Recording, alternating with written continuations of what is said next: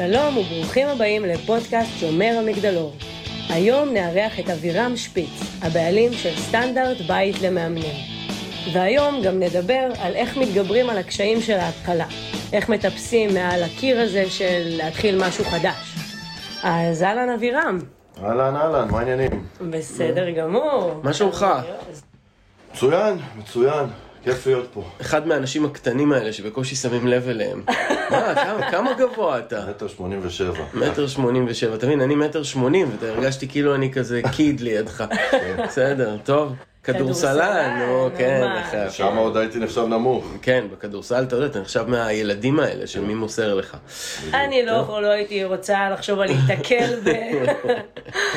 בוא נגיד שזה גרם לי לעבוד הרבה הרבה הרבה בחדר כושר כדי לפצות, כי הרגשתי נמוך שם, אז הייתי. צריך אה, רוחב. טוב, אנ- אנחנו, אני מאוד מבין אותך, אני שיחקתי רוגבי עשר שנים, אז. אני, כן, כן. טוב, אז אבירם, אה, אז קודם כל ברוך הבא לפודקאסט שלנו. אתה למעשה האורח הראשון שלנו, עד עכשיו היינו אני והדס בלבד, ואתה האורח הראשון שלנו, אז אנחנו נמצא את הדינמיקה שלנו ביחד ויהיה כיף. כבוד קודם כל, יופי, תודה. תודה גם לנו. אז קודם כל ככה, בשביל שאנשים יחברו בן אדם כן. לדמות. בוא תתן ככה קצת בהרחבה, אתה יודע, בקטע האישי, בין כמה... תספר על עצמך טיפה ככה כדי שהמאזינים שלנו אוקיי. ידעו. אז אה, בן כמה? אני בדצמבר חוגג 39 חורפים. אה, מזל קשת. מאמין במזלות? אה, תלוי אם הם בעדי או לא. השבוע תפגוש... זה מזכיר לי את- הבדיחה ששני חברים יושבים במטוס לפני שהוא ממריא, מוציאים את הברושור מהכיסא הקדמי, קוראים את המזלות ואז הוא אומר לו, אחי, תראה מה כתוב אצלי בשור, זמן לא טוב לטיסות, מסוכן, בוא נצא. אז הוא אומר לו, אל תדאג, אצלי בהרי רשום שזה אחלה זמן. אז זה מה שאני חושב על מזלות כן, בגדול. כן. בגדול. אה, זהו, חוץ מזה נשוי פלוס שני ילדים חמודים קטנטנים, בדיוק הורדתי אותם בגן לפני שבאתי. אה, האמת, זאת השאלה שאני הכי שונא ששואלים, שמבקשים ממני לספר על עצמי. כאילו, לך תסכם את החיים שלך בכמה משפטים ותגיד מי אתה. אה, אז זה בגדול המשפחה שלי, אני מאמן כדורסל לשעבר, שחקן כדורסל לשעבר, מאמן מנטלי לשעבר, לא לשעבר, עושה את זה היום. אה, אם לא היה מקצוע שנקרא מאמן, אה, אני לא יודע מה הייתי עושה בחיים. זה אני איתך, אני איתך. כאילו, לא יודע מה הייתי עושה. זה זה כאילו, אתה טוב במלא דברים ולא מעולה בכלום, עד שאתה מגיע לפה ואז פתאום אתה נהיה מעולה. בדיוק. נכון? זה כן. זה ההגדרה. זה כאילו האזור היחידי שמביא לי גם את המקצועיות שלי, אני מרגיש שאני טוב בו, אני גם אוהב אותו, יש לי תשוקה אליו. זה אף, אף מקצוע אחר, אני מהמעצבנים שמצאו את הייעוד שלהם בגיל 17. וואלה. איזה כיף זה אבל. מטורף. איזו תחושה מדהימה. אני משתדל לא לקחת אותה כמובן מאליו אף פעם, אבל uh, יוצא לי לפגוש אנשים בני 40, 50, שעדיין לא יודעים מה הם רוצים לעשות כשהם יהיו גדולים. מה זה יוצא שהם לפגוש? יהיו זה- גדולים. זה הלחם והחמאה שלנו. זהו, כן. ואני אומר כאילו, איזה, בורחתי מהבחינה הזאת, ממש. אז בוא אני אספר לך סיפור. אני, ביום הולדת 39, זה מה שאתה מדבר עליו, אני ביולי בן 39, ביום הולדת 39, לי ולגרושתי היה מנהג כזה, שכל אחד ביום הולדת, השני מארגן פעילות והוא לא יודע. כאילו הוא יוצא על בלנקו, יום או יומיים, הוא לא יודע כלום. אז כאילו זה היה יום הולדת שלי, והיא ארגנה, נסענו לאיזשהו צימר בצפון, והיא הוציאה, אמרה לי אני רוצה לתת לך את המתנה שלך, והיא הוציאה מין קופסה קטנה, ובקופסה היו כרטיסי ביקור, והיה כתוב אלי שחף, אז קראו לי אלי, היום זה אליעוז, כן? היה כתוב אלי שחף מאמן, וכאילו נתנה לי קופסה של כרטיסי ביקור שהיא עשתה לי, ואמרה לי המתנה שלי אליך זה לך, תתפטר מההייטק. כאילו אני איתך, אז אז הייתי בן 39 רק. וואו. אז אתה אומר, אתה הבנת בגיל 17, אני הבנתי רק בגיל 38. כן. והנה, היום אני בן 50, אז אתה יודע, יש, יש תקווה ל... כן, לגמרי, ל- לגמרי. לעתיד של אנשים. לגמרי. וכמה יפה זה ששניכם הבנתם את זה אתה בגיל שלך, אמנם אה, יותר צעיר מאליעוז, והלכתם אחרי הפשן והתשוקה הזה. בעצם אנחנו כולנו אנשים שהקמנו עסקים. כן. מאפס, אפשר לומר. כל אחד אפילו מאחד. כמה, כן, כן. בדיוק, יותר מכמה. אה, אליעוז, כמה עסקים אתה הקמת? אז עכשיו השאלה אם את שואלת, כמה עסקים נרשמו רשמית אצל מדינת ישראל כעסק לענייני מע"מ, או כמה עסקים הקמתי בקטע של בוא נעשה פגישות ונשיג לקוחות וזה לפני שיש אני אגיד לך מה, ב' יותר מעניין אותי, הבעיה שאני חושב שזה ייקח את כל השידור. זה לא ייקח את כל השידור, אבל אני אגיד ככה, רשמית, רשמית בעולם, הקמתי חמישה עסקים, ארבעה מהם היו כשל מוחלט לגמרי. אה, אני תמיד חיפשתי כאילו את הייעוד שלי ומה לעשות, וכשהייתי עובד הייטק, הקמתי פעם, ראיתי שאני הולך פה לבתי דפוס, והעלות של להדפיס פה בבתי דפוס הייתה הרבה יותר זולה מאירופה. אז מצאתי דרך לינקדאין כל מיני אנשים שעושים באירופה, והקמתי אה, עוסק מורשה שנקרא Albatross Printing Solutions, כדי להרים פה אה, הדפסות ולשלוח לחו"ל, אבל אז התברר שזה טרחה רבה בעד שישה שקלים, אז ירדתי מזה, אבל היה עוסק מורשה. וב-2006 היה לי עסק לענייני גישור, שהחזקתי שנה, שכאילו פשוט לא התרומם, הוא גישרתי ועשיתי קצת כסף והוא לא התרומם וזה. אמ, חוץ מזה הקמתי את הרגלים מנצחים שקיימת עד היום ב-2011, וקצת, אה, אני חושב שב-2020 הקמתי עוד עסק עם שותף שנקרא כישורים networking. היה לנו רעיון מאוד מחוכם לקבוצות networking, והקמנו הרבה קבוצות בארץ, אבל התברר שהרעיון הוא כל כך מתוחכם, שהאנשים שבאו לקבוצות לא היו מספיק מתוחכמים כדי להבין את התחכום של הרעיון, ואיזה שנתיים תיזזתי כמו פסיכופת במקביל לעסק שלי, ובגדול הקרסתי את שניהם. כן. ככה טוב ויפה. חוץ מזה היו עוד עשרות עסקים על הנייר שעשיתי עוד פגישות וזה וזה.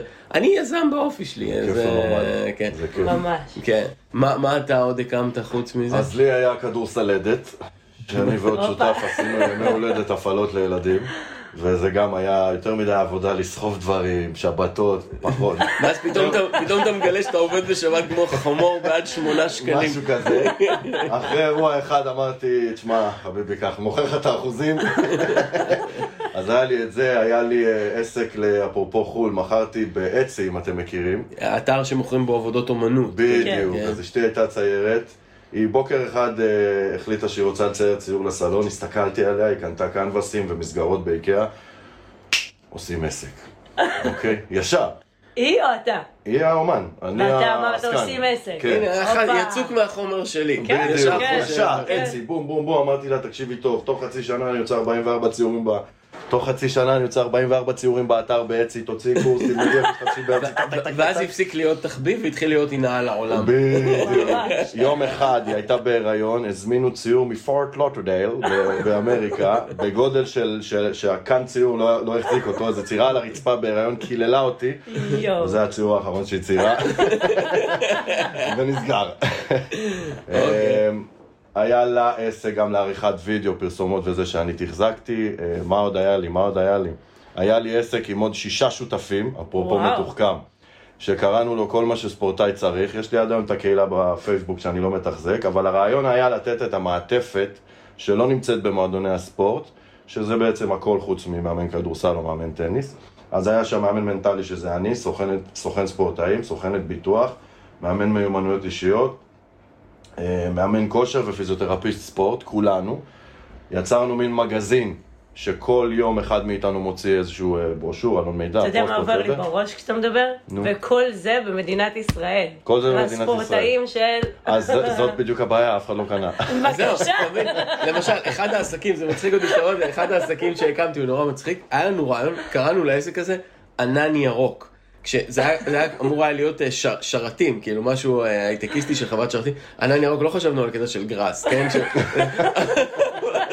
לא חשבנו על זה, אבל לא, הרעיון היה שאנחנו לוקחים שרתים משומשים, כאילו כל מיני חברות שזה, ואנחנו עושים בעצם data center, כאילו כוח מחשוב כזה שחברות קונות, שה data center יהיה משרתים משומשים בנגב. וואו. ונסענו לשדה בוקר והקמנו שם כמה שרתים, כאילו אני לא הייתי האיש הטכני מטבע הדברים, הקמנו שם כמה שרתים וזה, וזה כאילו התברר שזה פשוט לא. זה, יש סיבה שזה לא, לא עובד, לא, לא, לא, ברור. זה לא, לא. זה too much, זה כמו שאתה אומר, זה מתוחכם מדי. זה מתוח... הכל מתוחכם. זה לא. מתאים לשוק. יש. ואז אז היה לי משפט שאני הולך איתו עד היום. אם זה לא יהיה פשוט, זה פשוט לא יהיה. בדיוק, זה. זה, זה לא יעזור, זה, זה, אם זה לא יהיה פשוט, זה זה משהו פשוט לא יהיה. שהוא נכון מאוד לגבי הרבה מאוד דברים. עכשיו, גם... רגע, הדס, איזה ניסיונות סרק היו לך? דברי. איתה. היו לי כמה ניסיונות, ניסיונות סרק, כאלה ואחרים, אבל אני אה, אבחר אה, להתמקד דווקא ב... אני לא אקח פה הרבה זמן מהפודקאסט, סתם, לא. אבל אה, בגדול, אני מנהלת את אה, מועדון טניס בית יצחק במושב, וקודם לכן אה, עבדתי בכל מיני דברים קטנים, וכל פעם היו לי רעיונות אה, כאלה ואחרים, אהבתי מאוד אה, לאפות, אה, עם איזה. עוגיות ועוגות וכזה, ואז אמרתי, טוב, אני פותחת עסק, אני מתחילה, אני רצה על זה, אני זה, ואז כשהתחלתי אה, אה, למכור את זה, ראיתי שזה כל כך הרבה עבודה בשביל כל כך מעט כסף. כל, שכאילו- כל עוגה שאת מוכרת זה שמונה שקלים שמונה רווח. שקלים רווח. ועבודה של כאילו כן. ימים ולילות. ממש. ממש. כל הפעמים האלה שאנחנו לוקחים תחביב והופכים אותו לעסק ואז מגלים פתאום כמה grind, יש את המילה הזאת, כן. הטחינה הזאת שאתה צריך. לבחון. ועדיין אני חושב שצריך לקחת את מה שאתה אוהב לעשות ולהפוך אותו לעסק. נכון. זה, זה, זה הסוד, התשוקה חייבת להיות שם. כאילו, אני אף פעם לא הבנתי מי יש לו תשוקה לפתוח פיצוצייה. כאילו, אתה, אתה צריך אני שיהיה לא לך... חושבת שזה מגיע באמת ממקום של תשוקה, אלא אני חושבת שזה מגיע ממקום של צורך דווקא, ו- ולא ממקום של תשוקה. אבל רגע, בנוסף לזה, גם יש לי את, ה- את העסק האחרון שבעצם הקמתי, שזה בעצם הקליניקה, בתחום האימון, גם הקואוצ'ינג. אה, איפה למדת קואוצ'ינג? הופה, הופה, איפה למדתי? עכשיו הכרתי. אתה- זה? אצלי היא למדה, אחי, למדה אצלי גם אה, קואוצ'ינג שאלה בסיסי. צינית, לא קלטתי את לא, לא, הצינית. לא, לא, לא, היא למדה אצלי גם את הקורס קואוצ'ינג הראשוני, וגם את הקורס קואוצ'ינג של המגדלור, והיא הייתה מאוד טובה בשניהם, אבל יש גם קטע עם זה. היה לי קורס אימון שעשיתי, והוא הוא רץ כבר. מגיע לי העובד שלי ממ. במפגש שמיני, חודשיים אחרי שהקורס מתחיל, זה קורס של חצי שנה, חודשיים בפנים. אומר לי, תקשיב, יש איזה בחורה, קוראים לה הדסה לאלוף, היא רוצה לבוא לקורס. אמרתי לו, מה לבוא לקורס? אנחנו כבר חודשיים בפנים, שמונה מפגשים. הוא אומר לי, היא רוצה, היא רוצה, היא תראה את ההקלטות של. כל מפגש אצלי מוקלט גם בזום, היא תראה. אמרתי, תשמע, היא חייבת כאילו להבין שזה, הוא אומר לי, היא מבינה הכל, לא מעניין אותה כלום. טוב, באה אני איתה תוך שלושה מפגשים הכי טובה שם מכולם. אז... ישבתי על ההקלטות, אחת אחרי השנייה, ראיתי, לא פספסתי דקה, ועצרתי, עצרתי, אמרתי, אוקיי, רגע, אני עוצרת מנסה, עוצרת מנסה. רגע, ואנחנו בורחים שנייה מהנושא של, ה... של הפרק שיש אותה. שלנו. מזל, מזל, בואו- תאמין לי. בואו נחזור מבוגר פה. אחראי. כל עסק צריך אחד כמוך. אוקיי, אז, אז יש לנו בעצם כאילו אה, גם עסקים ש, שצלחנו בהם וגם כאלה שפחות. כן. אז אבירם, העסק עכשיו בעצם, הסטנדרט בית למאמנים. כן. ספר לי, ספר לי איך התחלת את זה, כאילו מה הייתה הנקודה שם שבעצם אה, אה, זה גם נתן, נתן את הצעד הראשון פנימה וגם הנקודה של הפריצה, מה שנקרא. כי בעצם אפשר לומר שאתה מאמן מ-2012, נכון. אבל את סטנדרט, בקורונה הכל התחיל. ב-2020. אז יופי, אז מה, מה קרה בשמונה שנים האלה? כאילו, בואו תספר. קודם כל סיימתי את הלימודי אימון, סיימתי את הפרקטיקום, ואז הבנתי שכאילו אני לא מבין כלום בעסקים ושיווק ומכירות, שזה תובנה מעניינת. וכמה שנים טובות אה, הסתובבתי על פני האדמה בלי, בלי להוציא פוסט ובלי להבין מה אני רוצה, עד שיום אחד נשבר לי אז והתחלתי... מאיפה, לשנות. מאיפה באו הלקוחות בעצם? הם לא באו. לא באו. אז מה שאתה אומר זה שאם לא עושים... ש... הסיפור הזה, התקווה הזאת שיש לאנשים, שבגלל שאני אוהב משהו וטוב בו, שפשוט הלקוחות, אני אזמן אותם בדרך פלא אליי, היא, היא כאילו ההתפכחות הכי כואבת של רוב בעלי העסקים. אין עסק בלי שיווק, זה לא עובד. אז אני לא הצלחתי רחוק כל כך, הייתי מאוד מאוד מאוד תמים ונאיבי, ובכלל לא חשבתי על זה בכלל. זה כאילו, זה כאילו לא היה לי בכלל בראש. אני אסיים את הלימודי אימון, ויהיה בסדר. כזה מין נאיביות בלתי מוסברת, ורק כשסיימתי... אני, אני דווקא רואה את זה כאילו אה, לא כנאיביות, דווקא כן ממקום של אופטימיות מסוימת, שלא משנה מה יהיה בסדר. כאילו, נסכים שזה שילוב. אוקיי. כן, אבל כאילו... כשהבנתי שאני צריך לעשות כל מיני פעולות שהן ממש לא באזור הנוחות שלי, אז פשוט לא עשיתי אותן. ואמרתי, טוב, הייתי מאמן כדורסל עדיין. לא היה לי רע. תכלס הלכתי ללמוד קואוצ'ינג כדי להיות מאמן כדורסל יותר טוב, החלום שלי בכלל היה להיות פיני גרשון בזמנו. האליל. מינוס הבדיחות הגזעניות. כן. כן, שהרסו לו את מינוס, הקריירה. כן, מוקה. ושוקו. אז... אה, אבל הוא לא מתלונן, לא, לא הייתי מתלונן במקומו היום. anyway, אז אה, באיזשהו שלב פשוט אה, נשבר לי. האמת, קראתי איזושהי כתבה בוויינט, והיא שינתה לי את החיים בצורה מסוימת. זה היה יום שבת בצהריים, וקראתי כתבה מבזה על קואוצ'רים, שאנחנו חרטטנים ושרלטנים, וכל אחד אה, סוחר את הבודקה בחצר האחורית של אימא שלו ומזמין לשם את לקוחותיו, כדי להגיד להם איך לעשות את מה שאנחנו לא מסוגלים לעשות בעצמנו. ואני זוכר... אגב, זה מעליב, אבל זה לא מופרך, יש הרבה כאלה. אני מסכים איתך לחלוטין. אנשים שעשו קורס וחושבים שהם המציאו את העולם. אז זה בדיוק העניין. אני חטפתי עצבים בבית, כמעט שברתי משהו, משום שזאת הייתה האמת. כאילו, לא יכולתי לשקר לעצמי. כן. והרגשתי שאני מוכר לאנשים כלים, ומוכר לאנשים מודל אפרת לצורך העניין, ואני לא עושה בו שימוש בעצמי. נכון. אני מוכר, צאו מאזור הנוחות, ואני נשאר ב... לא בבודקה, כי אין לאמא שלי, אבל אם היה לה, אז הייתי בו כנראה. אה, יום למחרת נרשמתי לקורס הראשון שלי בשיווק ומכירות, ובעצם שמה התחילה הדרך שלי. אה, ואז אה, שנה... שבעצם, אבל זה לא פותר את הבעיה. כלומר, זה עדיין לא הופך אותך לא לשרלטן, זה רק הופך אותך לשרלטן שיודע לשווק. אני לא מסכים איתך, כי אני חושב שההבדל מבחינתי... תראה, מה זה שרלטן? שרלטן זה אחד שטוען שהוא משהו כשהוא לא. אבל רגע, אני רק אומר, אנחנו נסכים שאף אף מאמן לא בא, לא משקר. אנשים מרגישים נכון. כאילו הם הבשורה החדשה, למרות שבעצם אין להם מתודולוגיה, אין להם סטנדרטים, הם לא באמת נכון. מביאים איתם משהו שהוא... אז אני קורא להם אה, ההפך מ-walk the talk, נכון. בסדר? כאילו אתה מוכר לי מוצרי ים המלח ואתה לא משתמש בהם. נכון. כי אתה חושב שהם, שהם בלוף, אז איך אתה מוכר את זה? אוקיי, אז הרגשתי הנוכל הזה, הרגשתי, ה... הרגשתי שאני מוכר פיקציה, ואז ברגע שהתחלתי לצעוד, נרשמתי לקורס, הייתי סטודנט והתחלתי לעשות פעולות, שם התחלתי להיות walk the talk. ריגרדלס לתוצאות, זה לא מעניין, זה לא בשליטתי. התחלתי לפעול. איך? מה עשית? קודם כל למדתי, קיבלתי ידע, זה הדבר הכי חשוב. אני בלי כן. ידע לא יעזור לי כלום. אה, ואז התחלתי ליישם, ליישם, ליישם, איך? ליישם, תן לי. דוגמה, מה למשל? למדתי לעשות מדריך מתנה באותו קורס. צילמתי מדריך מתנה, קיבלתי פידבקים שזה לא טוב וזה לא טוב וזה לא טוב. צילמתי אותו מחדש, בזמן שהרבה חבר'ה, בעלי עסקים מכל מיני תחומים, למדו לידי ולא הצליחו להפיק אותו בכלל, לא הצליחו להרים את התחת, סליחה על הביטוי, ולצלם אותו. אז אני באתי מהסובייטיות של הכדורסל. זה, זה נראה לי מובן מאליו, אומרים, אני עושה. משמעת עצמי. כן, בדיוק, אני, אני, אני עושה, אוקיי.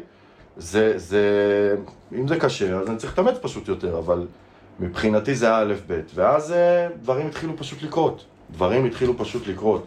השוס המטורף היה זה שפנה אליי אה, כדורסלן מכרמיאל ודפק נסיעות לחדרה, ואמרתי, וואו, זה כאילו חוצה גבולות גיאוגרפיים פתאום.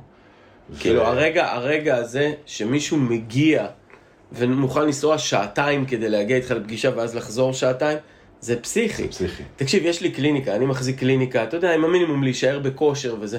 יש אנשים שבאים מבאר שבע, מטורף. ש- שעתיים נסיעה. יש לי בן אדם שמגיע פעם בשבוע מהגולן.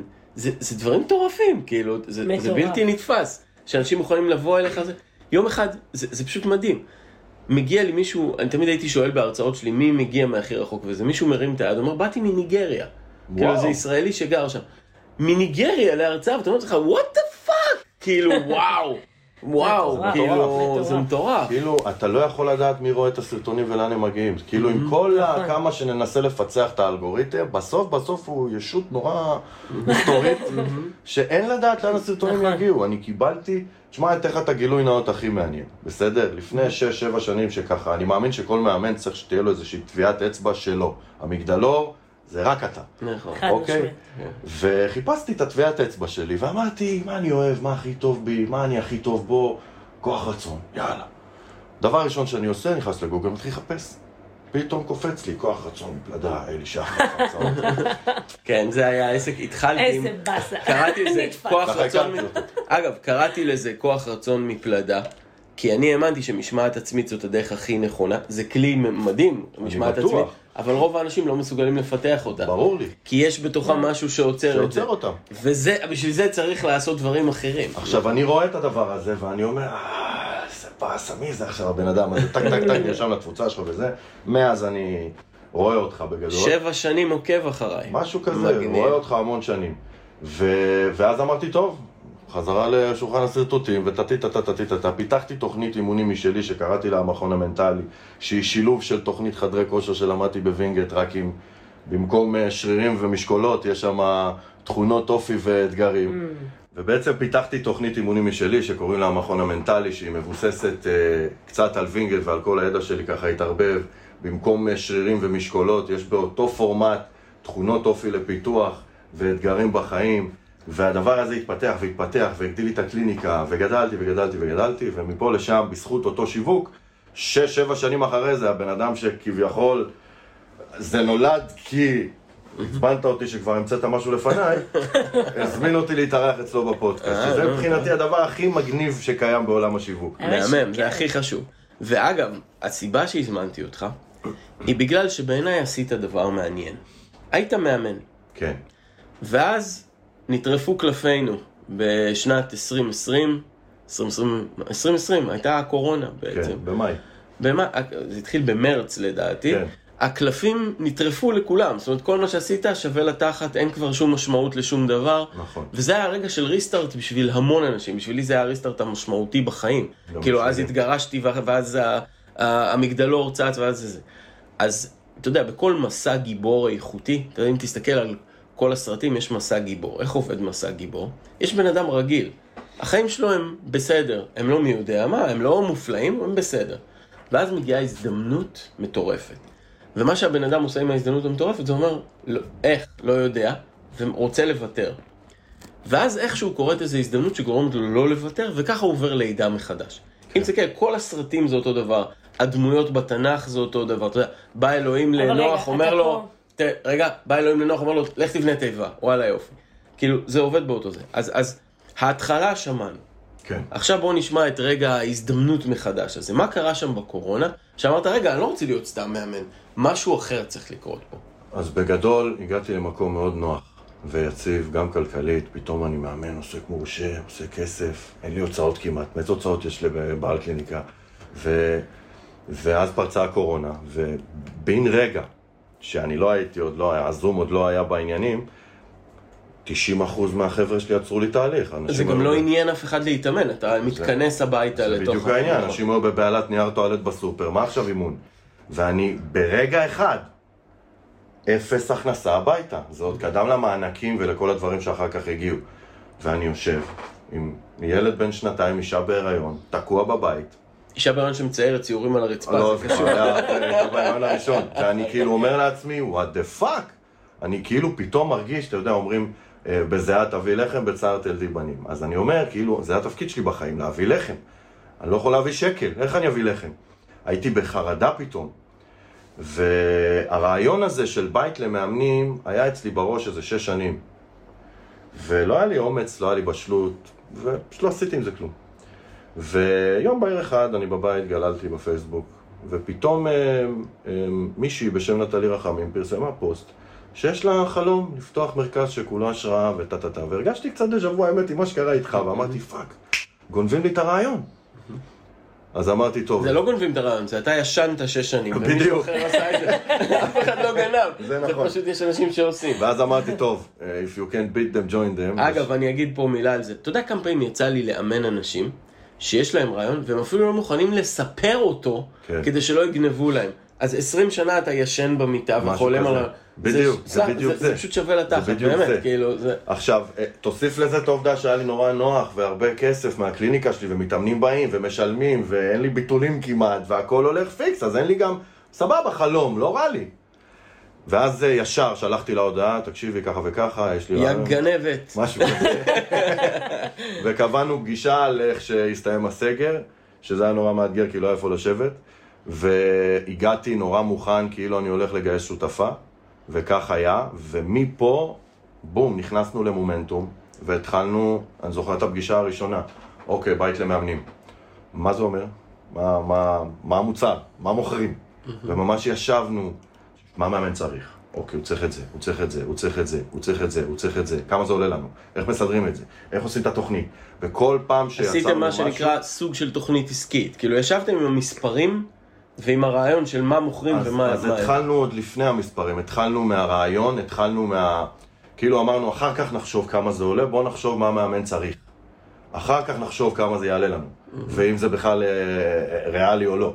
אבל כאילו, קודם כל נהיה נטו כובע מקצועי. רגע, אבל אתה בא לאישה שאתה לא מכיר, לא מכיר. ואומר לה בואי נהיה שותפים ככה בזה, איך זה עובד? אין שום הסבר הגיוני. ראיתי אותה, נדלקתי עליה, נרשמתי לשיעור אחד שהיא עשתה בנושא מטרה אימונית ועף לי הראש מהמקצועיות שלה, ואמרתי לה, את תהיי אמונה על הפן המקצועי, היא הייתה סופרוויזרית, היא עדיין, ואני אהיה אמון על כל הפן העסקי, שיווקי, אני הרמתי קליניקה, אני יודע איך עושים את זה, וכל הפן המנטלי נהיה ביחד אבא ואמא.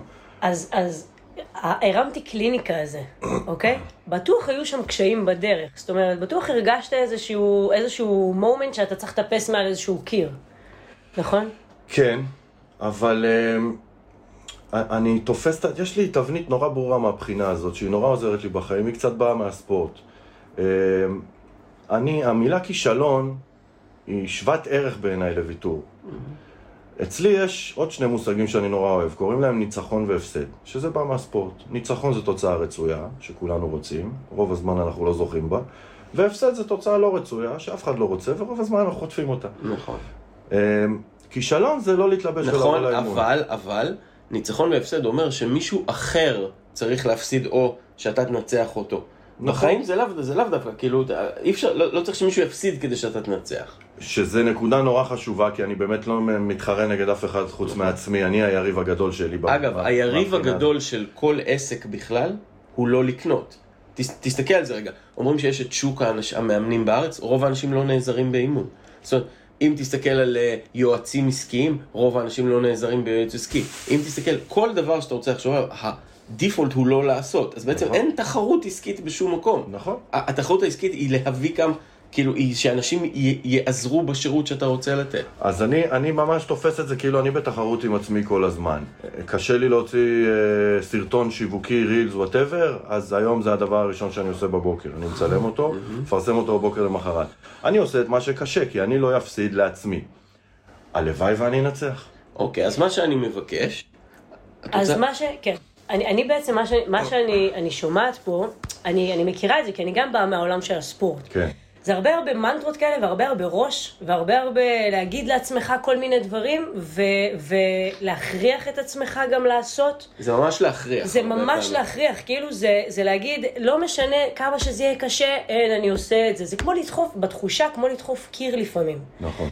ו, והיום כשאתה מאמן, אתה מאמן מנטלי גם, אה, אה, אתה קואוצ'ר בעצם, אתה מבין שהעבודה גם עם, עם תחום הרגש היא מאוד חשובה, וה, נכון. והסינרגיה ביניהם נכון. בעצם. אתה יודע, עברתי כזה קצת, הסתכלתי על האתר שלך, כן. ויש שם איזשהו סלוגן כזה שכתוב, אה, בניית מנטליות של אלופים. כן. זה הסלוגן שלך ממש באתר.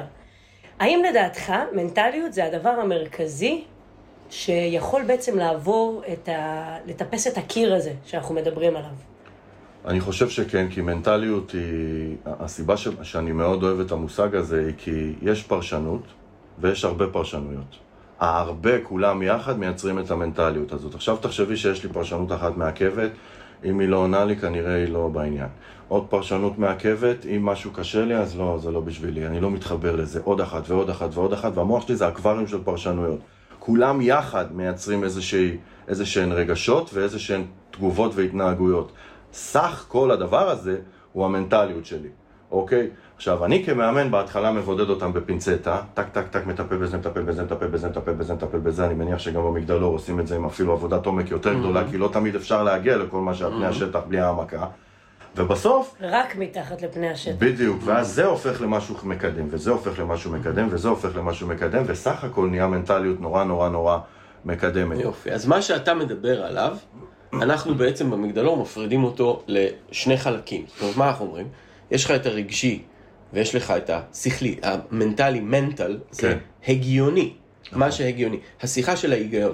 השיחה של ההיגיון ושל הרגש לא מדברות את אותה שפה. נכון. נכון, הרי אם עכשיו אתה נעלב, מישהו מאחר לך, ואתה אומר, אה, הוא מאחר, כי הוא מזלזל בי, נכון. כי לא אכפת לו, אף אחד לא אכפת ממני, כולם שמים עליי זין, אה, אה, אה. זה, אתה מדבר עכשיו בהיגיון? לא, אבל יכול להיות שהיו, כאילו, זה לא, זה לא נוגע, זה כאילו שתי שפות שונות.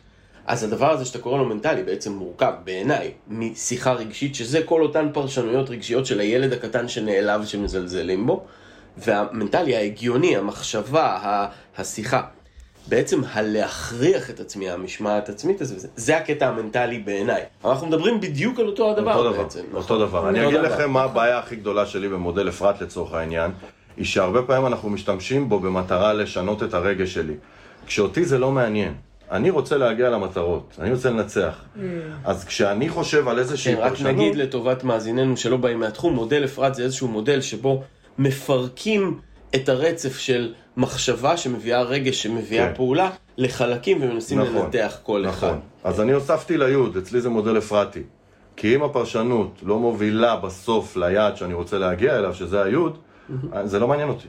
זה לא מעניין אותי פשוט. זה ממש מזכיר לי את, ה, את האופי שגדלתי בו אני. יכול להיות שגם אתה, כי שנינו כזה סוג של אה, מאותו, מאותה תקופה גם בעולם הספורט. פעם, פעם עולם הספורט היה מאוד מאוד ממוקד ב, בהקשר של אה, אה, לעשות ולעשות ולעשות ו, ו, ולא משנה מה. שזה יהיה, שזה יהיה כמו גישה כזאת אה, מאוד נוקשה נכון. בעצם. זה מה שקראת לו סובייטי. בדיוק. כי אגב, כי מה שקוראים לו סובייטי, למה קוראים לזה סובייטי? תמיד צוחקים על כל המאמנות התעמלות אומנותית של אל תלקקי סום סום, תעלי גרם. כאילו התעלמות מוחלטת מהרגש. נכון. מהרגש של אנשים. ועשייה, עשייה, עשייה, ואנחנו אומרים, זה לא יכול לעבוד. לא יכול לעבוד בחיים. לא יכול רק לדחוף קיר זה פורמט שלא יכול לעבוד. אז מה כן יכול לעבוד? זאת אומרת, זה יכול לעבוד לספורטאי, כאילו, אתה לא תזכה נכון, בזהב נכון. באולימפיאדה אם לא תהיה כזה פנאט. נכון. או... אבל אתה צריך לדעת להתמודד עם קטעים קשים, עם, עם להרים את עצמך ו- נכון. וללכת ל- לבריכה או למזרון. נכון, אבל אתה תהיה בהתעלמות מוחלטת מקושי כזה או אחר, או מ- מסבל נכון. שיש לך ברגע הזה. נכון. אין. רגש, אין רגש. אין רגש, יופי. ספורטאי. אבל אנשים רגילים. בדיוק. אנשים רגילים לא רגילים. לא שם ולא יכולים להגיע נכון. לשם. אני, אחד הדברים שהורגים אותי, הרגו אותי בתור מאמן לפני המגדלו, זה שאתה יודע, אני הייתי כולי אולטרה מרתונים, וכל יום רץ, וזה, ופיט, ופה, ומקפיד, וזה. ואז בסוף שהילדים שלך לא מתנהגים ככה, אתה כועס עליהם. נכון. ואתה אתה מוצא את עצמך כועס, מתוסכל מלקוחות שלא מסוגלים לעמוד בסטנדרטים שאותם אתה מעמיד את עצמך. ופה חייב להיות איזון גם אצלנו כמאמנים וגם אצל אנשים. אבל נגיד ש- רגע, אני, אני לא, אני, אני רוצה שתיתן טיפ קטן, בסדר? כשאנשים מתחילים משהו חדש, אתה יודע, נגיד עסק, אנחנו מדברים עליו. להתחיל לדחוף קיר שיווקית הזה, זה, זה תופת. תן טיפ אחד שלך. כאילו, מה אפשר לעשות בהתחלה? ש... מה איך אתם- שאני, מה שאני עושה היום זה הטיפ שלי, אני לוקח חלום, מפרק אותו לשבעת אלפים משימות, ופשוט מתחיל לרוץ עליהם. כל משימה קטנה מבחינתי משרתת קודם כל את ההוויה שלי. כשאני מצלם סרטון, אפרופו רגש, היום אני לא ספורטאי פסיכופת, כמה אפשר לחיות ככה. לא, אה, באמת כמה אפשר לחיות. ככה. ממש, זה לא, זה לא ממש. ניתן. בלתי. נסבל. היום אני קם בבוקר, אני עושה סרטון, אוקיי? מצלם אותו, הולך לאוטוקאפ, עושה לו כתוביות. וואלה, משעמם, בוא נודה באמת. לא כיף, אני עושה את זה כל בוקר. גם כל יום לחשוב מה אתה מעלה. שזה ברוך השם יותר קל לי, המוח שלי מוצף רעיונות, אבל, אבל הכתוביות נורא משעמם אותי וזה לוקח לי מדוד 12 דקות, give or take. ואז יום אחד אמרתי, למה אני צריך כאילו 12 דקות להשתעמם כל יום? מה אני יכול לעשות, אוקיי? והתחלתי להיכנס למין מקום כזה של מה ישרת את הרגש שלי, כי הפעולה תעשה, לא יעזור. ואז אמרתי, טוב, אולי זה 12 דקות של break מהחיים. אולי אני אשים ברגע הזה מוזיקה שנייה ושיתפוצץ העולם. ופתאום אני מוצא את ה fun בדבר. אז אני מפרק את הכל למשימות קטנות, מוצא את הדבר שישרת את ההוויה שלי, וזהו, עכשיו אני בלתי ניתן לעצירה, לא יעזור לאף אחד כלום. אני לא עוצר, כיף לי. וזה מנותק לחלוטין מקיבלתי ליד או לא קיבלתי ליד, זה לא מעניין אותי בכלל. זה לא מעניין אותי, אני שליח כשהסרטון פורסם. מי שרואה את זה, זה עוזר לו. וזהו, זה היופי. זאת אומרת שאתה, רגע, רק לוודא שאני מבין, מה שאתה אומר, כשאני מוציא החוצה שיווק למשל, אני מוציא שיווק, א', שיהיה לי כיף להגיד את מה שאני אומר, וב', שיביא ערך. אם יבואו כן. לידים, לא יבואו לידים, ליד, זאת אומרת, מתעניין, כן? קצה חוט. אז אתה אומר, לא אכפת לי אם יבואו לידים או לא, אני מוציא ערך החוצה. חד זה משמעית. הגישה. לא, לא בדיוק, לא אכפת לי, זה בונוס. אני אתייחס לזה כבונוס. אני בסוף אני בעל עסק, אני לא מתכחש לזה ואני לא מתייפייף. אבל אה, אני חושב שכולנו הפכנו, נכנסנו לעולם האימון ממקום של שליחות קודם כל. נכון, מי אמר שאני יכול להגשים את השליחות הזאת רק בספה בקליניקה? נכון. השיווק שלי משיג את השליחות הזאת בסקייל הרבה יותר גבוה. הבעיה היא שאני לא יודע. אין לי מגע ישיר עם הצופה. וזה נורא קשה. זה נורא קשה שאין לי את המגע הישיר הזה איתו, כי את המתאמן שלי, אני חי, אני רואה אותו, הוא בוכה, הוא מתרגש, זה ממלא את ליבי. כמה צופים אנונימיים יש לסרטונים שלנו, אין לי מושג שהם יושבים בבית ואומרים, יואו, אני לא מאמין, זה כל כך נכון, ומתייפחים בבכי, אין לי מושג. וזה נורא כזה, זה ההבדל בין להיות כדורסלן שהקהל מגיב, ללהיות שחקן קולנוע שאין לו מושג מה הצופים עושים באולמות. זה נראה לי הבדל נורא קשה. אז, אה, אז זה, זה האני מאמין שלי וזה נורא עוזר לי, אבל בגדול אני מפרק את כל המשימה, חלום הגדול למשימות קטנות. עכשיו אם מישהו וצועק. שומע אותנו לצורך העניין, אוקיי? והוא אומר, טוב, אז פירקתי את החלום שלי למשימות קטנות וליעדים קטנים וזה, אבל, אבל לא, אבל התכלס, אני לא מצליח לצאת לפעולה. אני זה- כל הזמן מתעסק באיך כן. יראו אותי בסרטון ומה יגידו ומה אני אומר. כאילו כן. נכנסים לשיתוק מרוב ניתוח של הבעיות. מה היית אומר שם? השאלה, הוא, הוא לא מאמן. הוא לא מבין כלום בעולם ההתפתחות לא, האישית נכון, האיש לא, הזה. לא. אני חוזר להתחלה, אני חושב שבלי ידע מאוד קשה להתקדם, הוא צריך ללמוד את הטכניקות. לא, יש בין... אני לא מדבר על מאמנים, אני מדבר לא על... מאמן. צ... עכשיו בא... בחור רגיל, הוא- עכשיו בא, לא יודע, צלם, מעשה, שרוצה ל- לייצר לעצמו לקוחות, נגיד, כן? הוא יודע שהיום צריך להוציא... אתה צריך לעשות רעש, אתה צריך להביא את עצמך, נכון. לחשוף את עצמך. להרבה מאוד אנשים יש פחד מחשיפה וקושי לעשות דברים כי מה יחשבו עליי ומה יראו אותי ומה זה. תן טיפ שלך לאיך מתגברים על הקושי הזה, כי זה אני מוצא קושי מרכזי אצל יזמים מתחילים. תשמע, יש לי תיאוריה מאוד פשוטה בחיים שקשורה למה יגידו עליה ומה יחשבו עליה והיא הולכת ככה. שמעתי אותך אומר את המילה הזאת קודם אז אני מרגיש בנוח. קוראים לה תורת הלשים זין. אוקיי? וזה הולך ככה, היא טכניקה עם שלושה שלבים. שלב ראשון שאיפה, שלב שני נשיפה, שלב שלישי על הזין. זה נורא פשוט, וזה עושה לי כיף גדול. יופי, אז אני חייב להגיד שמניסיוני, לרוב האנשים מאוד קשה עם אני זה. יודע. זאת אומרת, הם פשוט מאוד קשה. כלומר, יש משהו בתוכנו ש, שאומר לנו, אל תעשה כי. זה בעיניי, כאילו, אתה יודע, אחד הדברים שהם בעיניי מייצרים הכי הרבה גדילה, זה הסיפור הזה של להקים עסק. למה זה מייצר גדילה? כי אתה מתמודד עם אש כל הזמן. יש משהו בלהיות עצמאי ששורט אותך קצת, נכון. במובן הזה, אתה כמו כאילו, אתה יודע, כשאני הייתי חייל פעם, כמה הזדהות יש לי עכשיו, כן. כן, כשאני הייתי חייל פעם, אז הלכנו על מדים, נכנסנו לאיזושהי חנות, ועמדה שם כזאת מוכרת ועישנה בחנות, אתה יודע, כי זה היה כבר סוף היום כזה וזה. ואנחנו כזה מסתכלים וצוחקים, ואתה יודע, זה, זה חבר'ה עושים צחוקים. באמת שם, חבר'ה, אתה יודע, אני יוצא פה היום, אני... כאילו, בסוף, כבעל עסק, אתה, אתה, מק- אתה מקבל את הגישה הזו, אני קורא לה רחל, לאישה הזאת, אתה מקבל את הגישה של, חבר'ה, אתם קונים פה היום, אבל, נכון? כאילו, משהו, נסרט בך כזה. אבל יש, אתה כל הזמן עובר דרך. אש. כל הזמן. כל הזמן. ואני חושב שחלק גדול מזה זה, אני חושב, קשה מאוד להיות בעל עסק בלי לעבור תהליך אישי, נכון. כאילו אימוני, כי אתה, אין, זה- אתה פוגש את, ה, את הקצוות שלך בלי הפסקה. נכון. וקורים לך הרבה קטעים שאתה אומר, הנה, הנה אני מביא את המכה עכשיו, הנה, זה הדבר הנכון, זה, ואתה מקבל כף על הפנים, שאתה נופל על התחת ובוכה שלושה כאילו, ימים. להיות בעל עסק באיזשהו מקום זה כל פעם להמציא את עצמך מחדש וכל פעם להיות טוב יותר, אבל, אבל יש אנשים שזה באמת החלום שלהם. נגיד עכשיו הם יושבים ושומעים אותנו, והם במשרד, מול מחשב, וזה לא החלום שלהם, וזה לא קרוב לתשוקה שלהם אפילו. והם מתים לעשות משהו אחר, ו- ו- ולצאת לחופשי, מה שנקרא. ויש איזשהו פחד מסוים שמשתק אותם. מה הייתם אומרים לאנשים האלה? תראי, אני אומר את מה שאמרתי בהתחלה, אני, אני באמת חושב שיש תמיד, אני אוהב להשתמש במטאפורת הבריכה שלי, אני, מאוד, אני משתמש בה כל הזמן. יש שני סוגים של אנשים, מעניין אותי מי אתם. יש את אלה שהולכים לעמוק וקופצים ראש, ישר, מים קפואים, ויש את אלה לאט לאט מהסולם, אוקיי? שאני יותר ביניהם. לא כי אני מפחד מהמים, פשוט לוקח לי זמן להתרגל לקור, כי אני עדין, אני אשכנזי חמוד, אוקיי? ו... גם אני אשכנזי חמוד, אבל אני קופץ ראש.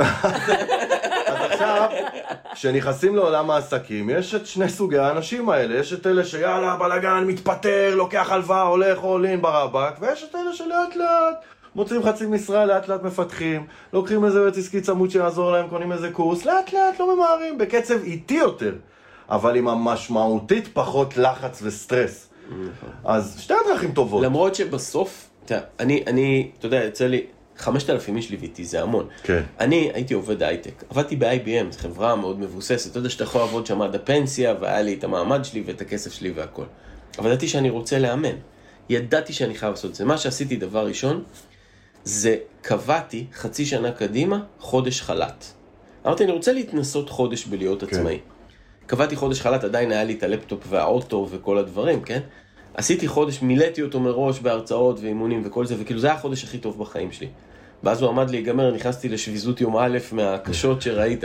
אמרתי לעצמי, אוקיי, אני חוזר ל-80% משרה. זאת אומרת, אני מוריד יום בשבוע. הורדתי יום בשבוע, וביום הזה הייתי עובד וזה. ואז כל הזמן אמרתי לעצמי, טוב, אני מתפטר עוד ארבעה חודשים. כתבתי מכתב התפטרות עם התאריך של עוד ארבעה חודשים ושמתי אותו במגירה. ואז קפצה לי התראה בקלנדר להוציא את המכתב התפטרות, אבל ראיתי ששום דבר לא השתנה. ואז הבנתי שבסוף מגיע הרגע שאתה מהמר על עצמך. זאת אומרת, בכל עסק, אתה יכול לעשות את זה במקביל, אתה יכול לעשות את הכול, אבל עסק יקפוץ אך ורק כשאתה שם נכון. את כל, את כל הביצים. עליו, נכון, אין מה. לעשות. אבל ההכנה לזה בהחלט יכולה להיות נכון. איתי. לקח לי שנה אגב. אני חושב פשוט שהתפיסה של הכל או כלום, שחור או לבן, אפס או מאה, היא נורא נורא נורא מעכבת. מאוד. אז... הכל אה, אפור, כל החיים אפורים. בדיוק, ואז זה נורא אה, דיכוטומי, זה המושג. ו- ואני אומר, אם מישהו עכשיו מאזין לדבר הזה במשרד ויש לו חלום להקים איזשהו עסק, ליצור איזשהו מוצר, זה יכול להיות בצעדים מאוד מאוד מאוד קטנים, מאוד קטנים. נכון מאוד. אה, כשאני עכשיו בקצ"ל, אני לא מסתכל על, אה, לא יודע, על אה, לברון ואומר, יאה, לא ברמה שלו בכלל. מה קשור? אני לא ב... כאילו, ההתחלה שלי והסוף שלו, זה, זה אין מקום להשוואה בכלל. אז אני, אני פשוט אומר. קח דבר קטן, צעד קטן. מה יש לך שלי... תסרוקת כמו שלו, קרחת עם זקן. בדיוק, כן. לפחות אתה אומר, צעד ראשון. אמסל הלחיץ אותי הרבה, אז כנראה נשרו לי כל השערות. לא כנראה. אמ, אז אני אומר, הדבר הראשון זה באמת עבורי היה ללכת ללמוד. זה יכול להיות קורס וזה יכול להיות ליווי אישי, אחד מהשתיים. אבל יש לי חוק עם קורסים. כן, אם עשית קורס ואתה לא משתמש בזה, זה דביל. עליך.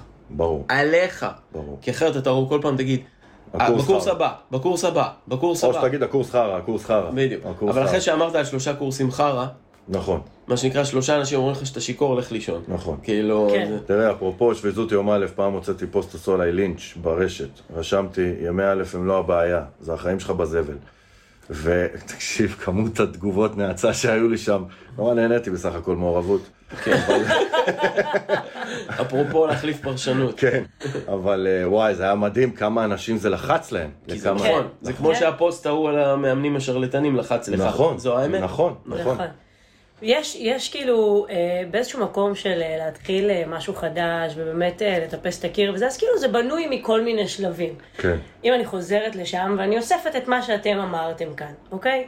בשביל מי ששומע אותנו.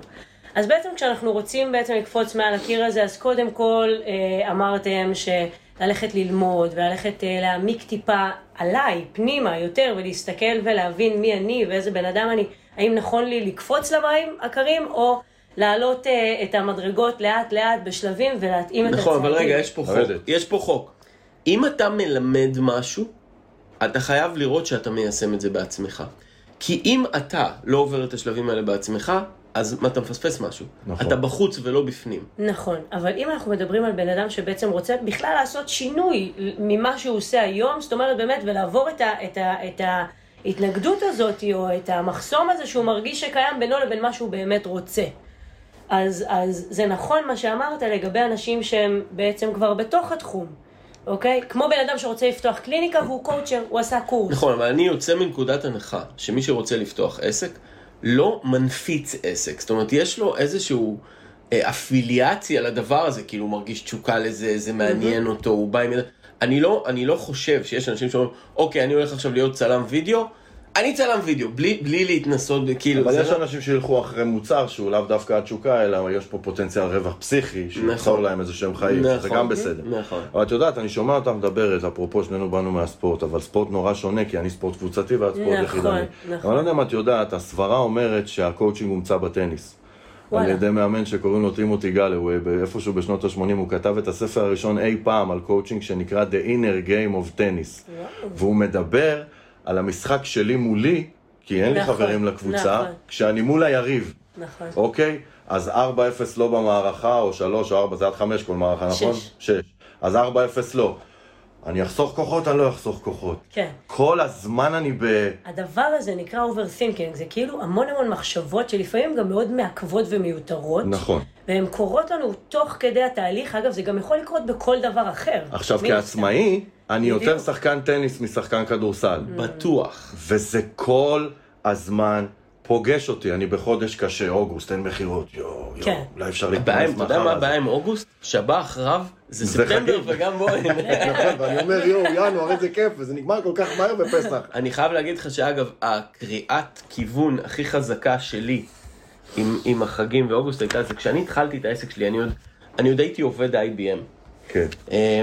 הקמתי uh, את העסק והרעיון היה, בגלל שאני ירדתי במשקל הרבה, היה לעשות את החלק המנטלי של לרדת במשקל. זה מה שהבנתי שאני עושה.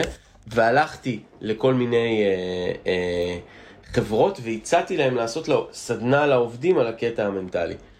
והלכתי לאיזושהי חברה בפתח תקווה והגעתי למנכ"ל שלה. והוא אמר לי, טוב, אני מסכים. וואו. עכשיו זה היה יוני וזה היה עשר פגישות, כאילו עשרה שבועות. אז אמרתי לו, סבבה, אז נתחיל באוקטובר?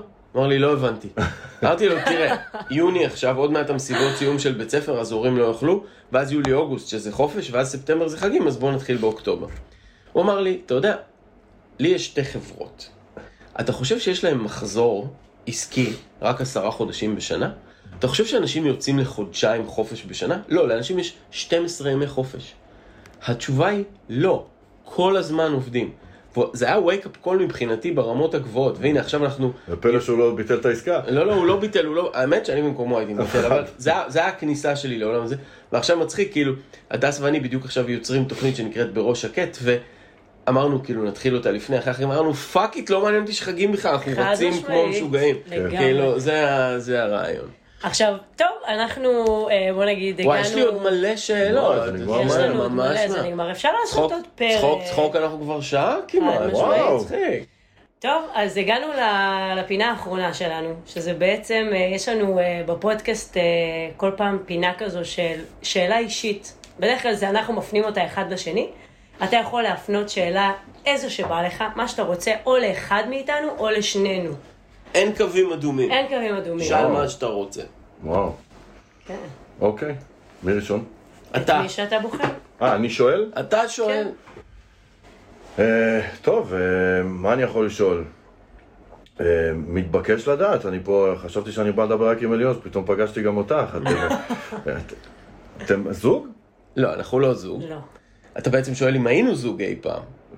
אפשר לומר. התשובה היא לא. אה, אז קודם כל, אה, הדס עד לא מזמן הייתה לקוחה שלי, וכמאמן אתה יודע, לא משנה מי הבן אדם ומה הבן אדם, פעם שהוא לקוח שלך, יש טרנזקציה כספית ביניכם, יש מסך אה, מוחלט אה, זה. אז קודם כל אני גרוש, אבל אני בזוגיות אה, עם אה, רבי, רויטל, אה, והדס הייתה לקוחה, ומעבר ללקוחה, מותר לספר את כל הסיפור? וואו. יאללה. הדס לא רק לקוחה, היא גם הייתה לסבית. נכון. הייתה? הייתה? לסבית. זה נקרא חזרת לארון? אוקיי, רגע.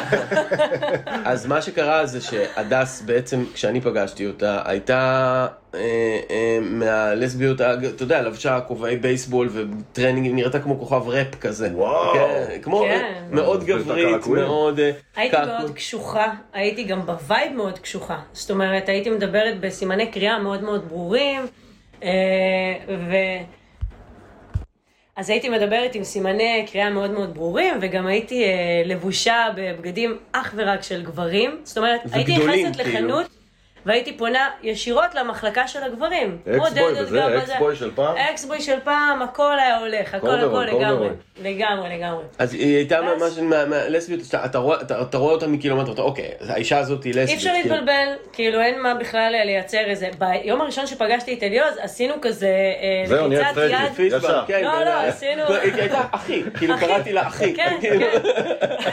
הייתה דינמיקה מדהימה מההתחלה, כזה של חבר טוב. כזה, אף פעם לא הסתכלתי על גברים כמשהו באופציות שלי. זאת אומרת, לא ראיתי אותם כאיזה משהו שהוא... אה, אה, אפשרי בכלל מבחינה זוגית, מינית וזה, אז כאילו החברות בינינו נרקמה ממש ממקום שהוא אה, חברי, חברי טהור לגמרי, וככה זה המשיך. החוקים, זה- זה היה כמו לדבר עם. גבר, כאילו, כן. זה הדס זה מישהי ש- שהייתה רואה מישהו עם דמעות והייתה אומרת, זה הומואית, כאילו זה- זה- זה הרמה, כאילו זה כמו כמו לדבר עם חבר מהצבא, זה היה מאוד קל להיות כל חברים. מה שהיה רגש קופץ החוצה, אני כזה, יואו, מה, אתה אתה רציני שאתה בוכה עכשיו כאילו? וכאלה. ואז עברתי את המגדלור, עברתי תהליך יחד עם אליעוז, ו... זאת אומרת, אני, זה- אני, אחרי שהיא הייתה חניכת קורס אימון, היא באה לפה לקליניקה ועברה אצלי תהליך מגדלור מלא, כל העשר תחנות מההתחלה ועד הסוף. נכון, ו... ובאמת הסרתי את כל האבטר הזה, כי זה הרי אבטר, זה באיזשהו מקום אה, אה, דמות כזו שתחזקתי בגלל ש... והסרתי את האבטר וקילפתי שכבות וחזרתי, אה, בוא נגיד, לעצמי ולהתחבר אליי וכזה. אז בהקשר, לה, בהמשך לשאלה שלך, אה, זה, זה סיפור מאוד חלקי מה שאת מספרת נכון, פה. זה מאוד חלקי, בסדר, מאוד אבל... חלקי, היה, היה שם הרבה עבודה של אה, נכון. טיפול בטראומות וכל מיני דברים כאלה, ובעצם היא, היא הפכה להיות למה שהיא ולא למה שהיא ברחה אליו, נקרא כן. לזה ככה. בסדר? נכון. אמ, ומעבר לזה, אז, אז בינינו לא, לא, הייתה, לא הייתה שום אינטראקציה אה, שקשורה למיניות או לא יודעת, משהו בסגנון הזה. זה נהיה כזה מחברים מאוד טובים. סחבקייה. סחבקייה ופינג פונג בדיבור וצחוקים וטוסים לחו"ל ביחד וכאילו כזה לגמרי. אז לא. היא, היא ו- חבר מאוד טוב שלי, בוא נכון. נאמר את זה ככה. אתם- אתם כאילו משלימים משפטים פה אחד של השני. נכון. ממש, נכון. ממש. הדינמיקה אש. תודה, זה אחלה. תודה. אז אה, עכשיו אנחנו אה, רוצים לשאול אותך. אני צריך ללכת. יש לך שאלה אישית או שלי? אמ, אולי נשאל שתיים, מה אתה אומר? אתה זורם? בבקשה, לבריאות, אני זורם עם הכל. יאללה. אז יאללה. אה, ליאוז, שוב. אני רואה שיש לך מוטיב של קרנף בכל מיני מקומות, כולל קעקועים. מה זה כן. הקרנף הזה? הקרנף זה קודם כל בעל חיים. אה, וואלה. וואלה, תודה. האמת, הרעיון עלה כשחשבתי, אתה יודע, זה מצחיק, מה בעל עסק עושה? חשבתי שתגיד זה יוניקורן שמן. תקשיב, כשאני חשבתי על הלוגו לעסקי כמאמן, אמרתי, מה זה יכול להיות, מה זה יכול להיות, מה זה יכול להיות, שפיץ, השם משפחה שלי חייב להיות בפרונט. במה יש שפיץ, במה יש שפיץ, עלו לי רק מחשבות זדוניות ומיניות, ואז הנושא של הקרנף עלה. אתם באמת דומים. נכון? יואו. כן, כן. בזקן. לא, בזקן, לא. כן. ואז, ואז אמרתי, טוב, קודם כל, קרנף עלה, ואמרתי, טוב, קודם כל יש לו שפיץ, אז את הפינה הזאת סגרנו. ואז נכנסתי ממש למוטיבים של החיי. היא משדרת לי את הערכים החשובים ביותר שקיימים בי, שהראשון מביניהם זה אור עבה. מעטים הדברים שמגיעים אליי, אני צריך מאוד מאוד מאוד לאהוב את האדם, בשביל שהוא יוכל לחדור את האור העבה שלי. אה, כמו שאמרתי לכם, תיאוריית על לשים זין ועל לא לדפוק חשבון היא קרנפית בעיניי. והקרנף בגדול הוא חיה מאוד ידידותית, מאוד אוהבת, מאוד חברמנית, עד שאתה נכנס איתו לפינה, ואז הוא יסתובב אליך, יראה לך את הראש, ואתה תחטוף. אני מאוד אדם כזה, אה, ואני חושב שזה, זה, יש לי גם פסל של קרנף, אצלך יש מגדלורים, יש קרנפים. יש לי פסל של קרנף, ואני תמיד אומר ללקוחות שלי, אתה תצא מפה כזה, ושום דבר לא יעצור אותך. אתה תחיה את החיים שלך, בכיף שלך, אף אחד לא יפריע לך, אתה לא תפריע לאחרים. אם משהו יקרה, אתה תסתער. עד אז אתה בסך הכל חיה ידידותית עם אור מאוד עבה, שזה הדגש הגדול, ואתה בקלות נורא תשיג את המטרות שלך. והדבר הכי הכי הכי מעניין בקרנף, הוא שהוא בסכנת הכחדה. אין הרבה כאלה. וזה משהו שנורא מוצא חן בעיניי להגיד, להשתייך לקבוצה שנמצאת בהכ- בסכנת הכחדה. בקסטה מסוימת. יש לי איזשהו- כן, עכשיו ככל שנכנסתי לחיה הזאת יותר ויותר ויותר, התחלתי גם יותר ויותר להתאהב בה. ופתאום נולד לי איזה חלום פסיכי, שאני לא יודע אם אני אגשים אי פעם, ללכת לאיזה מסע לספארי בזה, ולהצטרף לאיזה שלוחה להגנת הקרנפים. אני עוקב אחרי קרנפים באינסטגרם. פסיכי לגמרי, השתגעתי.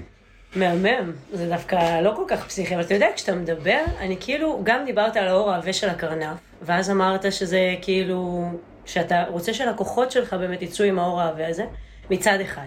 וכשאני שומעת אותך אומר את זה, אז בעצם אני שומעת שאתה, שאתה רוצה לעזור ללקוחות לייצר איזשהו כמו buffer כזה, שזה בדיוק מה שאנחנו עושים, לייצר מעין buffer כזה בין מה שנכנס לבין מה שיצא אחר כך החוצה. זאת אומרת, לתגובה, נכון? במידה מסוימת. באיזשהו... אוקיי. אני- עכשיו, אני כן. אני פשוט חושב שכל הדברים שקורים בחיי מתחלקים לשתיים, הדברים שאני מייצר והדברים שפשוט קורים לי, כי כל הזמן shit קורה. וה shit הזה, אני חושב שהוא אה, כמותית הרבה יותר גדול מהדברים שאני מייצר, בדרך כלל אצל רוב האנשים, ואני צריך להתמודד איתו, אני צריך להתמודד עם מלא shit שקורה לי. אור עבה בעיניי, זה אני חושב שזה הדבר שהכי עזר לי בחיים להתקדם. כל שטות לא, מ- זה זבובים. זה, קורה לי משהו, אני אומר, זה קוץ שקרנף דרך עליו, הוא לא מרגיש, הוא חי, עושה את מה שצריך. עכשיו, כאילו, אתה מדבר מאוד מאוד מהראש. כן. אני רוצה לשאול אותך, השאלה שאני רוצה לשאול אותך, היא מה הנקודה שאם יעבור שם אה, אה, זבוב וייתן שם נגיעה קטנה, הרגש יצא החוצה. אצלך. זה קרה אתמול. אוקיי, מה קרה? אה, אני בעצם, אני לא יכול לספר את זה, זה סודי, אבל, אה, אבל אה, בגדול, כשקורים דברים שבכלל לא תכננתי שהם יקרו, זה מרגש אותי ברמות, ברמה של דמעות. לצורך העניין, ששתי מאמנות בסטנדרט מספרות לי שהן נהיו חברות הכי טובות, זה מרגש אותי ברמות. מי בכלל חשב שזה, לא בשביל זה הקמתי את העסק. זה, זה קירוב לבבות, משפחתיות. אה, אה, זה, זה הדברים שממיסים אותי. ממיסים אותי. ואז מה, באמת יוצא רגש החוצה? או שגם יש את הפאסון הזה? לא, לא, לא, לא, לא. לא? אני לא מצליח לשמור עליו הרבה פעמים, אה, גם בכעסים וגם ב... אני לא... אני... אני הרבה יותר טוב בזה מבעבר. כשהייתי מאמן כדורסל צעיר, אז אה, הייתי... הייתי יוצא על אנשים כאילו ברמות של חרטה גדולה בבית של מה עשית? למה התנהגת ככה? היום אני מאוד, הרבה יותר מאופק, אבל uh, קשה להסתיר את הרגש שהוא יוצא ממך. נכון. אז uh, זה הדברים שמרגשים אותי. החבר'ה בסטנדרט עשו לי מסיבת הפתעה בדצמבר, שנה שעברה, עם עוגה והכול. אני... ולא ידעתי איפה לגבות את עצמי. ש... המקומות שרואים אותך בהם. קשה מאוד ש... להביך אותי. כן. קשה מאוד להביך אותי והובכתי שם. אבל מה שהביך אותך זה העובדה שאנשים ראו אותך. בדיוק. ולא לא ראו את ה image הגדול, אלא אמרו לך, אנחנו אוהבים אותך. כן. זה... אני גם לא אוהב, כאילו כמה שאני בעל העסק והפנים וכולי וכולי, יש סיבה שקראתי לזה סטנדרט בית למאמנים ולא אבירם שפיץ. אני, אני באמת אומר שהייעוד שלי בחיים הוא לעזור לאנשים שאני אוהב הכי בעולם, להגיע לפסגה שלהם. אני אהיה צעד מאחורה. אני מאוד אוהב להיות המשענת. מאוד זה אוהב. ששם את היד כדי שיתאפסו על המדרגה. זה עושה לי כיף שאני רואה את האדם שאני הכי אוהב בעולם מצליח, אני על גג העולם. אז פתאום ביום הולדת שלי שמו אותי בפסגה, והיה לי לא נוח שם. היה לי לא נוח שם. זה לא, זה לא פסגה כמו של, של תראו, הנה אני כאן, כאילו, כזה. הם, הם אמרו, תראו, יפה, אתה פה. ואתה, כן. ואתה לא רצית לא שזה צריך, יהיה... אני לא צריך כן. את זה, אני באמת לא צריך את זה. זה לא שיש לי בעיה להיות בפרונט, אני מרצה, אני אוהב את הבמה, הכל בסדר, אבל כאילו... אמ, רק כשאתה נותן ערך, או תמיד? לא יודע, היה לי פעם חלום להיות סטנדאפיסט, אז כנראה שתמיד. אני מאוד אוהב את ה... את ה... גם אם את תראי אותי מרצה, אצלי זה, זה חצי סטנדאפ, אני עושה צחוקים כל הזמן. אבל, אה, אז אני אוהב את ה front מהבחינה הזאת, אבל אני לא אוהב את ה... את ה over תשומת לב, או את ה... לחגוג בשבילי, לעשות בשביל, או משהו במקום הזה, אני לא יודע לענות אפילו. מעניין, אתם עושים לי אז פה אימון. הנה התשובה, אתה אוהב שרואים את האווטאר, אבל מביך אותך שרואים את כנראה, זה נורא מתחבר, כנראה. הייתי מה זה נכנסת כאן פנימה עכשיו ברור, לאיזה גם- גם סשן לי בא עכשיו, גם לי בא. עכשיו אני נורא אוהב להתאמן. דרך-. אגב, הדבר היחידי שאני אוהב יותר מלאמן זה להתאמן.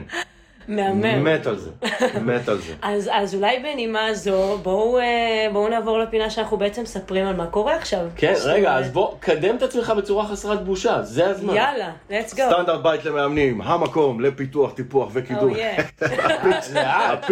הפיץ'. עזוב פיץ', דבר, דבר את זה כמו שזה. בגדול סטנדרט בית למאמנים, הלמה הכי גדול שלו הוא לעזור למאמנים בתחילת הדרך, לעזור למתאמנים שלהם כמה שיותר. פעם אנשים שאלו אותי מה החלום הכי גדול שלך, ובלי לחשוב פעמיים אמרתי לאמן את כולם. אמרו לי בוא, איך אתה יכול לאמן את כולם? יש לך שעות מוגבלות בקליניקה, אי אפשר. אז אמרתי, טוב, אני אצטרך למצוא דרך. אז זה התחיל מקורסים דיגיטליים שמגיעים לקהל גדול, ואז זה עבר למאמנים, שכל מאמן יש לו את הקליניקה שלו, ובמידה מסוימת יש לי נגיעה בקליניקות של כל המאמנים בסטנדרט. אמ, אז סטנדרט בית למאמנים זה מקום שמפתח, מטפח ומקדם מאמנים מבחינה עסקית, מקצועית ומנטלית. ובדיחה פרטית. ו... ו... ובעצם יש כל מיני מסלולים שיכולים להתאים לכל כיס. יש מסלולים שהם יותר פרימיום עם uh, ליווי אישי, ויש מסלולים שהם יותר בייסיקים עם... Uh, יותר קבוצתיים נקרא לזה. שמה, אתם עושים כאילו תמיכה שיווקית ממש? אז יש את כל הפיתוח השיווקי, כי את זה לא מלמדים ברוב המכללות, אם לא בכולם, ברמה המאוד מאוד מאוד מעמיקה. עם כל הכלים שעזרו לי להרים את הקליניקה, קורס מאוד מקיף של 22 שבועות, שמגובה בתכנים מנטליים. אז אני מלמד אותם איך לעשות, איך להרים, איך לייצר טביעת אצבע, איך למכור, איך לשווק. וזה הפן העסקי. ובמקביל אנחנו אה, עובדים איתם על הפן המקצועי, בא מתאמן. יש המון חוסר ביטחון שם למאמנים בתחילת הדרך, המון. והרבה פעמים מאמנים לא מבינים עד כמה הם טובים, כי הם נולדו מאמנים עוד לפני הקורס. אה, אבל יש שם המון חוסר ביטחון, הם מאוד חוששים לעשות טעויות, הם מאוד חוששים לפגוע בחייו של אחר, ובצדק. Mm-hmm. וזה לעיתים יכול לסרס אותם, ולגרום להם לכפור ולהשתתק. אז הם כל הזמן מקבלים תמיכה גם מהפן הזה. יש לנו מפגשים קבוצתיים פעם בשבועיים, של supervision קבוצתי, של הרצאות, השתלמויות פרונטליות, ערבי מאמנים על חשבון הבית, התנדבויות בקהילה. יש לנו יום צילומים, אה, צילומי תדמית לכל המאמנים מתוכנן לנובמבר. הרעיון הוא לייצר מעטפת, התפקיד שלי היום בסטנדרט, בפיתוח הארגוני, זה כל הזמן לייצר עוד, עוד, עוד, עוד, בשביל שבאמת יהיה למאמן את כל מה שהוא צריך כדי להצליח, אה, וזה פרויקט חיי, אני כל כך אוהב את זה. יש, יש אה, דרך שהקהל ששומע אותנו יוכל לפנות אליך? אז אנחנו נשים בתיאור של הפודקאסט של הפרק היום את כל הלינקים לרשתות החברתיות ולאתר של אבירם ושל סטנדרט, ואנשים יוכלו כן. לפנות. כן. בוא... חשוב רק להגיד שהוא חייב להיות מאמן מוסמך או בפרקטיקום.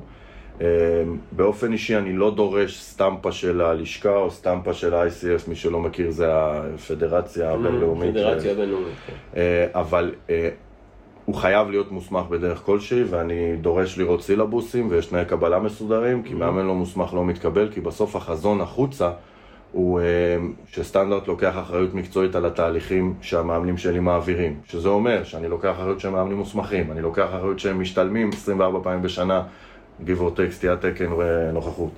אה, אני לוקח אחריות שהם יגבו בהתאם למקובל בשוק ולניסיון המקצועי שהם צברו. אה, אני לוקח אחריות על כל מיני דברים, ולכן יש תנאי קבלה מסודרים. אז מי שלא מאמן מוסמך, או מטפל פסיכולוג, פנו אליי פסיכולוגים, הם פשוט לא מתקבלים. אתה יודע, האמירה הכי מעצבנת שקיבלתי. פנתה אליי פסיכולוגית, הגישה מועמדות, דיברנו בטלפון, אמרתי לה, יש בתואר בפסיכולוגיה איזשהו סמסטר שמלמדים אימון? לא. אז למה את מאמנת? אז היא אמרה לי, יצאתי לשוק ואמרתי לעצמי, אני יותר מתחברת לאימון. אמרתי לה, איזה יופי. אני כבר 12 שנה בתחום, נראה לי אני יותר מתחבר לפסיכולוגיה, מעכשיו אני פסיכולוג. אז היא אומרת לי, זה לא אותו דבר ואתה יודע את זה. וזו האמירה הכי מעצבנת שקיימת בעולם. מעצבן ממש. אז היא לא התקבלה ואיחלתי לה בהצלחה, אבל אני מאוד, אני מאוד מאמין שהסטנדרטים גדולים מהעסקה, בגלל זה גם העסק, הערך הנבחר היה הסטנדרט. ובסופו של דבר זה משרת את העסקה ללונגרן, לשמור על הסטנדרטים. אז זה ככה, a nutshell. מהמם, ממש. ממש יפה. בוא נספר טוב, קצת על אה, מה קורה אצלנו. בקרוב. אז אצלנו, כמו תמיד, אנחנו מריצים בכל רגע נתון עשרות של תהליכים בכל רחבי הארץ. יש להרגלים מנצחים אה, כרגע תשעה מאמנים שעובדים אה, בשיטת נכון, המגדלור נכון. בכל מיני מקומות בארץ. ו... ואגב, שווה לבדוק את הרשתות החברתיות ואת האתר. כמעט כל שבוע אני עושה איזשהו וובינר בנושא מסוים. בשבוע הבא, למי שמקשיב לזה עכשיו, יש לנו וובינר על שינוי הרגלים, ועוד שבועיים וובינר על uh, מחשבות שליליות, זאת אומרת ב-19 לתשיעי כבר אנחנו נעשה את הוובינר על, ה, על ההרגלים. באיזה יום זה יוצא? יוצא יום שלישי. Okay. אוקיי. ואנחנו בקרוב יוצאים בתוכנית שנקראת בראש שקט, שהיא תוכנית אונליינית של עשרה שבועות. ל... אנחנו עושים בעצם בשיטת המגדלור איך להוריד את uh, המחשבות השליליות והדאגות.